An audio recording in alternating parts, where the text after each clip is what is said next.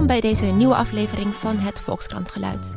Afgelopen week schreef Rianne Meijer een heel aangrijpend essay over het GGZ-traject van haar moeder, die drie jaar geleden zelfmoord pleegde. Een uh, persoonlijk verhaal dat tegelijkertijd de effecten van nieuw beleid in de GGZ blootlegt. Nou, er kwamen ontzettend veel reacties op haar stuk. Dus um, ik vond het goed om hier nog even met haar over door te praten. Daarom zit ze vandaag naast mij, Rianne Meijer. Maar voordat we gaan praten, gaan we zoals altijd eerst nog even luisteren naar het geluid dat zij heeft meegenomen.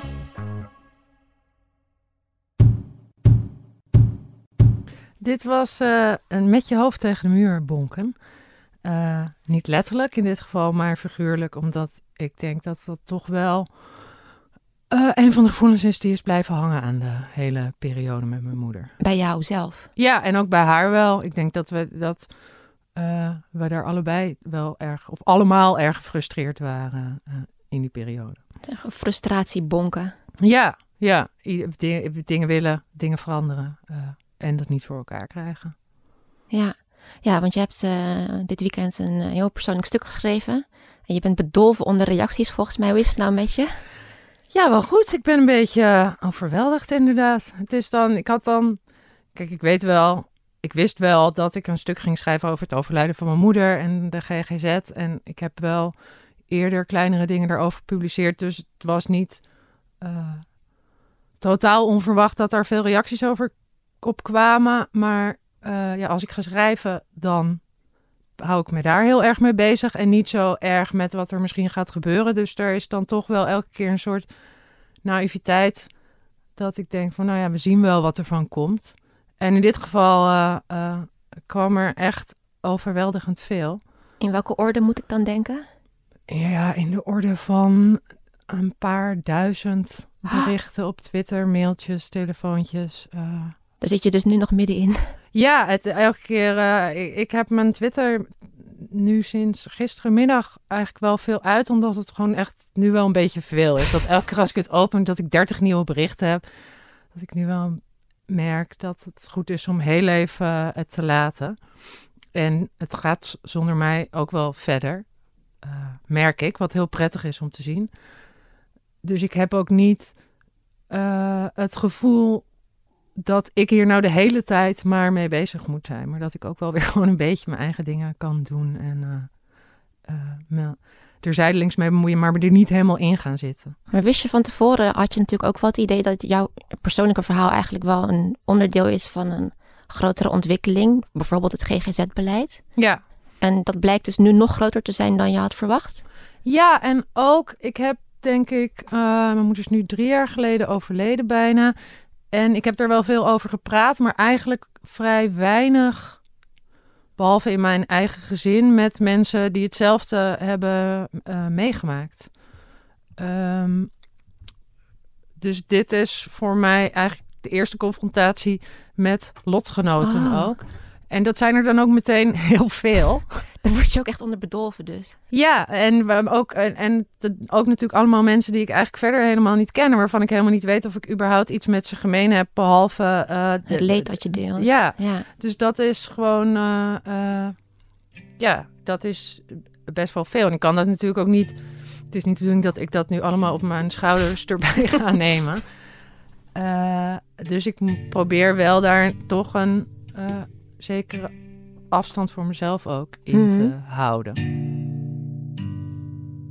Ik heb er zelf ook wel last van gehad dat ik het heb geschreven. Want ja, uh, ik heb me ook wel afgevraagd of ik nou per se uh, bijna drie jaar later dat verhaal tot in de pijnlijke details allemaal op moest gaan rakelen. En uh, wat dat voor mij zou betekenen. Waarom heb je dat eigenlijk toch gedaan? Omdat je die twijfel had? Omdat ik het belangrijk vond. Omdat het voor mij ook wel een manier is om nog iets terug, om nog iets te doen voor mijn moeder. En die machteloosheid van het bonken tegen de muur. Uh, ja, daar met terugwerkende kracht toch iets voor mezelf van weg te nemen. En ik merk dat het voor mijzelf ook wel. Uh, rouw is een vrij langdurig proces.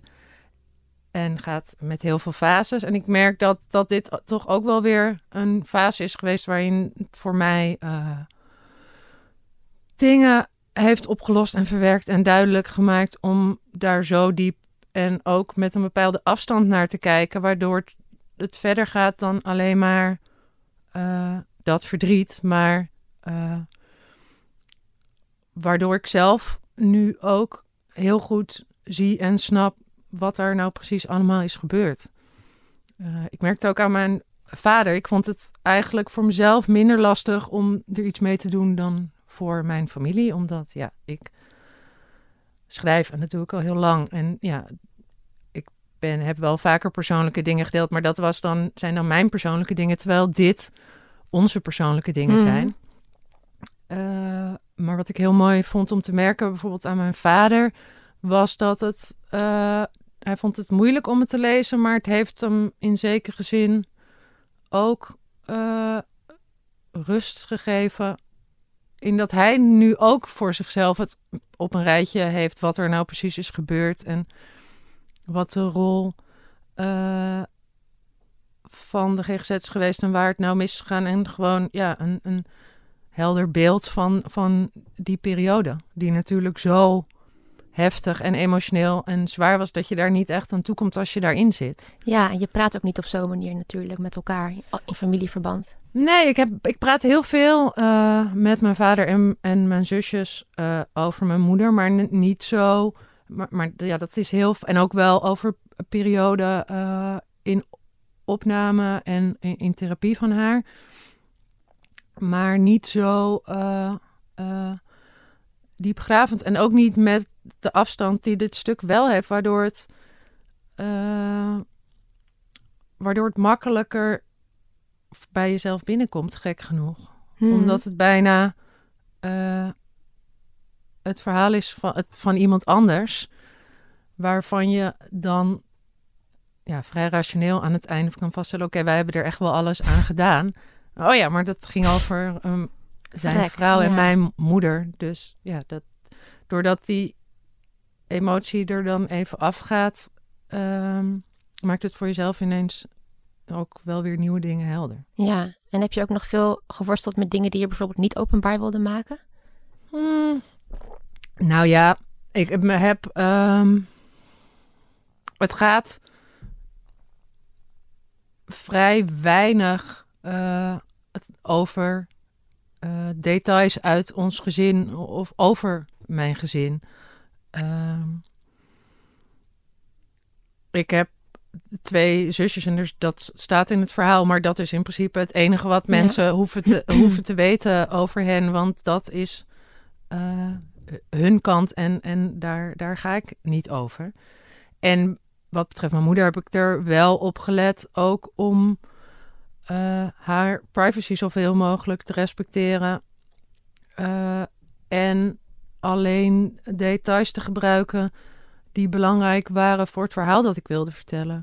Niemand hoeft eh, in principe te weten die de krant leest hoe mijn moeder heet of hoe ze eruit zag of eh, wat haar hobby's waren, zeg nee, maar. het soort verhaal verder niet noodzakelijk. Nee. Maar wel Nee. de situatie en de omgeving natuurlijk. Want je beschrijft ook wel Ja. ehm, nou ja, die crisisopvang waar ze in eh, belanden. Dat is Ja. wel tekenend voor het verhaal dat je zelf wil vertellen ook. Ja, maar dat zijn, dat zijn dus details die, die nodig waren om dit verhaal te kunnen vertellen. Ik moest een beslissing nemen.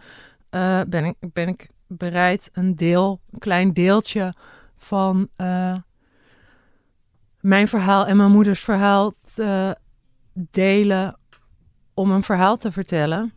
Nou ja, dat was ik. Maar daar zat wel een duidelijke grens ook aan eh, wat daaruit van iedereen mocht worden en wat nog steeds gewoon van ons moet blijven. Ja.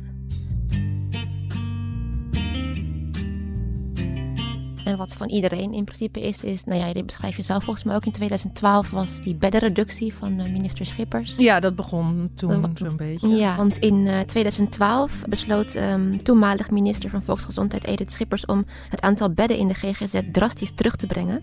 En ook volgens mij het idee dat een eh, behandeling pas achteraf werd vergoed in plaats van tussentijds. Dat werd ook hetzelfde jaar. Ja, dat is ongeveer in die periode Allemaal in die geweest. periode ook. Ja. Dat was ook het jaar dat jouw moeder in die opvang belandde. Klopt. Dus Ja, en het is in, de, in min of meer dezelfde periode is er, er ook nog veranderd eh, dat je hebt in de zorg een vereveningsbijdrage. Dat betekent dat eh, voor lastige patiënten, kort door de bocht gezegd, een verzekeraar meer vergoed krijgt. Zowel, Dat zijn zware gevallen dus. ja, zowel vooraf als na een eventuele behandeling. Om te voorkomen dat verzeker, verzekeraars dus voor een groep eh, patiënten eh, achteraf tegen hele hoge kosten aanlopen. Voor die GGZ's die vereveningsbijdragen achteraf eh, deels vervallen, ook voor andere zorg. Dus ja, wat, wat dat betekent is dat het voor verzekeraars eh, steeds minder lucratief is om eh, zware patiënten in hun eh, bestand te hebben. Dus die beddenafbouw, daar hadden zij onder andere het belang in dat die bedden natuurlijk bedoeld zijn voor de zwaardere gevallen. En hoe minder bedden je hebt, tegen hoe minder onverwachte kosten je gaat aanlopen. Mhm. Het probleem is natuurlijk alleen dat de problemen niet oplossen zodra je die bedden weghaalt. Dus dat klapt dan wel weer ergens. Maar ja, dat, het is een beetje de vraag of die klap dan eh, op hun bordje terechtkomt of op het bordje van de maatschappij. Mhm. En nog even terug naar zo'n crisisopvang. Kun je die even ja, een beetje beschrijven? Hoe, hoe, hoe ziet het er daaruit? Hoe... Ja, ik was daar wel. eh, in al mijn naïviteit had ik daar een veel gezelliger beeld bij dan dat het in werkelijkheid Ja, ze bleek heet ook zijn. altijd zo mooi, Duin en Bos. En, eh, Ja, ik weet niet eens meer of deze, deze een naam had. Maar ja, het, het, het- het- deze zat in, in, de buitenwijk van, in de buitenwijk van Amsterdam. Het was een vrij mistroostig eh, jaren tachtig pand, denk ik, met systeemplafonds. Oh, en, eh, en heel veel gangetjes. En wat ik had verwacht was gewoon een soort groot huis met beveiliging waar eh, eh, het liefst ook nog een verpleegster in een verpleegsterspakje bij een balie zou zitten en mij binnen zou laten. En eh, daar een soort klinische, doch, enigszins sfeervolle Mhm. plek zou zijn. Maar het was een, toen ik er kwam, een totaal doolhof waar je gewoon in en uit kon lopen en alle deuren open kon maken en op willekeurige plekken eh, andere patiënten tegenkwam. Ik denk de eerste keer dat ik daar was, heb ik denk ik een kwartier gezocht naar iemand die bij het eh, bij de opvang hoorde, omdat ik geen flauw idee had waar ik mijn moeder kon vinden. En uiteindelijk heb ik er zelf gevonden, maar niet omdat, het, omdat daar inmiddels een verpleegster was verschenen. Het was een beetje ehm, een cellencomplex. Behalve dat ze dan vergeten waren de deur op slot te doen. Wat ik dan toch ook wel weer jammer vond. Want ja, die, mijn, mijn moeder zat daar niet voor niks. Dan is dat eigenlijk het enige doel van die crisisopvang. Je, je pillen op tijd krijgen. En Ja, in- zorgen dat iemand weer eh, enige vorm van stabiliteit bereikt. En dan is het idee dat je doorstroomt eh, naar een daadwerkelijke behandeling. Eh, het probleem alleen daarbij was dat het soort behandeling eh, dat eigenlijk nodig was, dat dat, niet, dat, dat, dat geen optie was. Eh, mijn moeder had eigenlijk daarna door moeten stromen, zeker nadat ze in de crisisopvang de eerste zelfmoordpoging had gedaan had ze eigenlijk door moeten stromen naar een interne plek waar naast al die pillen ook verschillende vormen van therapie beschikbaar waren. maar wat gebeurde er in plaats daarvan? Nou, in plaats daarvan ging zij naar een eh, dag eh, opvang voor groepstherapie. Dat was twee dagen eh, in de week.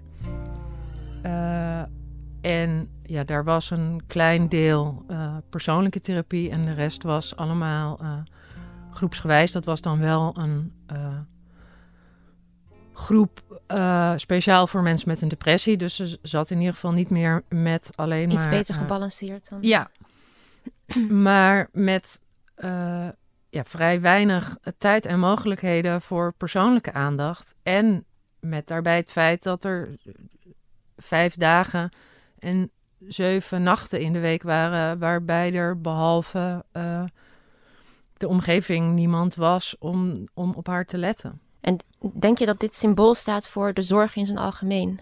Of dat dit een particuliere...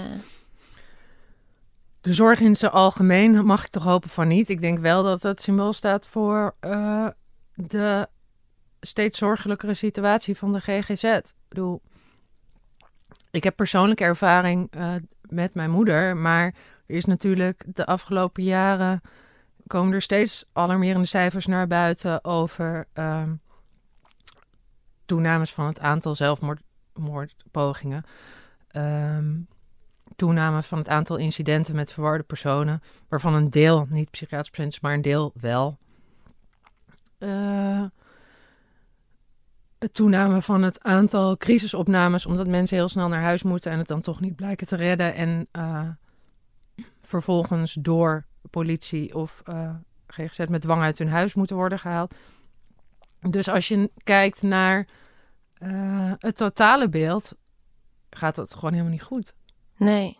En ik weet niet of dat nou toeval was of niet, maar twee dagen nadat jouw stuk verscheen, toen kwam er dat uh, nieuws naar buiten dat Mens is, dus een van de grootste verzekeraars, ja. uh, voortaan alleen behandelingen van depressies gaat vergoeden als ze geslaagd zijn of effectief zijn gebleken. Ja. Wat dacht je toen je dat las? Ja, toen, ik, toen zakte de moed me wel een klein beetje in de schoenen. Dan had ik het net opgeschreven ja. en dan krijg ik ver, vervolgens het bewijs gepresenteerd van, uh, van de manier waarop verzekeringen in Nederland uh, winstgevende bedrijven zijn geworden die toch vooral bezig zijn met uh, winst maken. Ik heb me daar vervolgens op Twitter ook nog wel over opgewonden en werd daarop aangesproken door de woordvoerder van Mensis, die dan ook in zijn berichten naar mij het over dingen als klanttevredenheid gaat hebben. En ja, dan. En in dit geval was de klant dus jouw moeder. Ja, die is hartstikke dood. Die is helemaal niet zo tevreden en wij ook niet echt. Dat is auw. En sowieso, ja, op het moment dat je gewoon al niet snapt dat ik dit verhaal heb gedeeld en jij daar dan op gaat reageren met klanttevredenheid staat bij mensen centraal, dan denk ik echt, ja, ik weet gewoon niet eens waar ik moet beginnen met uitleggen wat er hier allemaal fout gaat. Dit, waarom hebben we het over klanten als het over patiënten gaat die zorg moeten hebben en die je op zijn minst misschien in leven moet proberen te houden voordat je ze gaat vragen of ze ook nog tevreden zijn. Het is echt zo'n kille bedrijfsmatige aanpak die totaal niet past bij het onderwerp waar we het over hebben.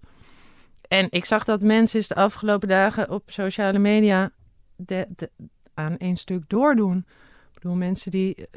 Ik zag een mevrouw die kwam vertellen dat haar dochter depressies had gehad. En ze zei er weliswaar niet bij dat haar dochter zelfmoord had gepleegd, maar dat stond wel in haar Twitter-bio. En ze praten in de verleden tijd over die dochter. Ja, daar reageert de webcare van mensen dan op met. Uw dochter heeft ook recht op goede zorg. Lees hier onze voorwaarden. denk ik, ja, jullie zijn gewoon totaal vergeten wat eigenlijk jullie functie is. Hmm. En dat jullie met mensen bezig zijn en niet met modellen die je en straminen en malletjes waar alles in gegoten kan worden, waardoor het geoptimaliseerd is en uh, alles goed komt. Want dat komt het op deze manier natuurlijk niet. Nou, je zou ook nog kunnen zeggen, ja, als die geestelijke gezondheidszorg zo ontzettend veel geld kost, is het natuurlijk logisch dat er naar alternatieve behandelmethoden wordt gezocht of naar manieren om het anders te doen. Ja. En zou er niet een mogelijkheid zijn dat zij ook proberen om het beter te maken? Als, ze dat, als dat hun idee is, dan is hun communicatie daarover wel echt extreem belabberd. Daarnaast denk ik dat het probleem. Kijk, er wordt veel te veel geld uitgegeven, maar dat heeft een flink aantal oorzaken die helemaal uh, die hier helemaal niet mee oplost, maar die hiermee erger maakt. Namelijk de administratieoverload in de GGZ. En het feit dat er zoveel mensen werken die niet behandelen of maar een beperkt deel van hun tijd aan behandelingen uh, kunnen besteden, dat kost heel veel geld. Dat los je natuurlijk niet op door nu patiënten ook nog allemaal vragenlijsten te gaan laten invullen, die weer moeten worden verzameld, gecodeerd, doorgestuurd. De verzekeraars vragen steeds meer uh, bewijs van uh, behandelaars uh, dat, dat ze goed bezig zijn of waar ze mee bezig zijn. Maar dat is alleen in het belang van de verzekeraars. De behandelaars kost het heel veel tijd en de behandelden wordt daarmee heel veel tijd ontnomen die ook besteed had kunnen worden aan hun therapie geven. Mhm. Wat zou er kunnen veranderen, denk je? Of moeten veranderen? Misschien wel. Ja, wat er moet veranderen, denk ik, is dat er we wel weer naar een situatie moeten waarvoor er voor een mensen zoals mijn moeder, dus zwaardere gevallen, wel plekken zijn waar zij gedurende langere tijd intensieve eh, therapie kunnen volgen. En je kan je afvragen of dat nou effectief meer geld zou kosten dan wat we nu doen. Want ik las ook iemand op Twitter die 30 jaar geleden uh, ernstig suicidaal en depressief was en zo'n langdurig traject heeft gekregen. En sindsdien uh, gewoon fulltime heeft gewerkt en een bijdrage geleverd aan de samenleving. Zijn zulke berekeningen wel eens gemaakt dat je weet? Ik weet het niet, maar ik zou echt heel graag een berekening zien. En dat zei Nicky Sterkenburg bij Radio 1 ook begin deze week over dit onderwerp. Zij is Elsevier-journalist en zit in het mediapanel bij Radio 1 en had ook uh, dit onderwerp aangedragen om daarover te praten. Ik zou heel graag, net als zij, een berekening zien uh, die veel breder gaat dan wat zijn de kosten van de GGZ, maar wat zijn de kosten van het feit dat we deze mensen lang niet behandelen. Dat er mensen uh, heel veel moeten mantelzorgen voor deze patiënten. Dat er mensen zoals ik een aantal maanden uitvallen na het overlijden van een ouder. Dat zijn allemaal zaken die helemaal niet worden meegenomen als het gaat over de kosten van de GGZ. Terwijl dat natuurlijk wel is wat er gebeurt en wat gewoon reële kosten zijn. Mm Hey, nou, nog eventjes uh, tot slot terug naar jou. Het heeft je heel veel gekost, denk ik, dit stuk schrijven. Heeft het je ook dingen opgeleverd? Nieuwe inzichten? Uh, niet zozeer nieuwe inzichten, maar wel uh, een bepaalde opluchting, denk ik. Want ja, ik heb dit meegemaakt en voor mij, ik schrijf dus wat. Schrijven is een goede manier om dingen te verwerken.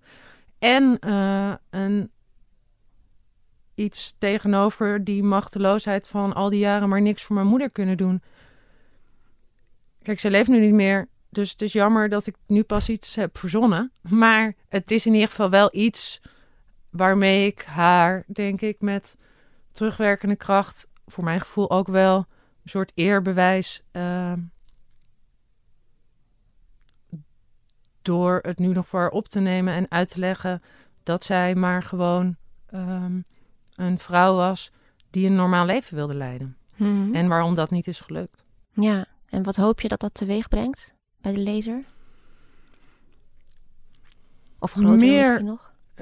Nou ja, sowieso meer uh, aandacht voor de GGZ en meer inzet om daar dingen aan te veranderen. Want het is eigenlijk heel gek dat iedereen wel in zijn omgeving iemand kent die ooit met psychische problemen eh, te maken heeft gehad. Maar dat het toch maar niet lukt om het hoog op een politieke agenda te krijgen. Of ervoor te zorgen dat mensen er echt uh, iets aan gaan willen doen. Kijk, als het gaat over uh, Zwarte Piet, dan hebben we het daar al drie jaar over. En wil iedereen daar continu van alles over zeggen. Maar de GGZ uh, blijf daarbij achter. Ik zou echt heel fijn vinden als we daar wat serieuzer over zouden kunnen gaan praten. Ja, nou, dit was stap 1, jouw artikel. Heel erg bedankt dat je hier wilde zijn. Ja, graag gedaan.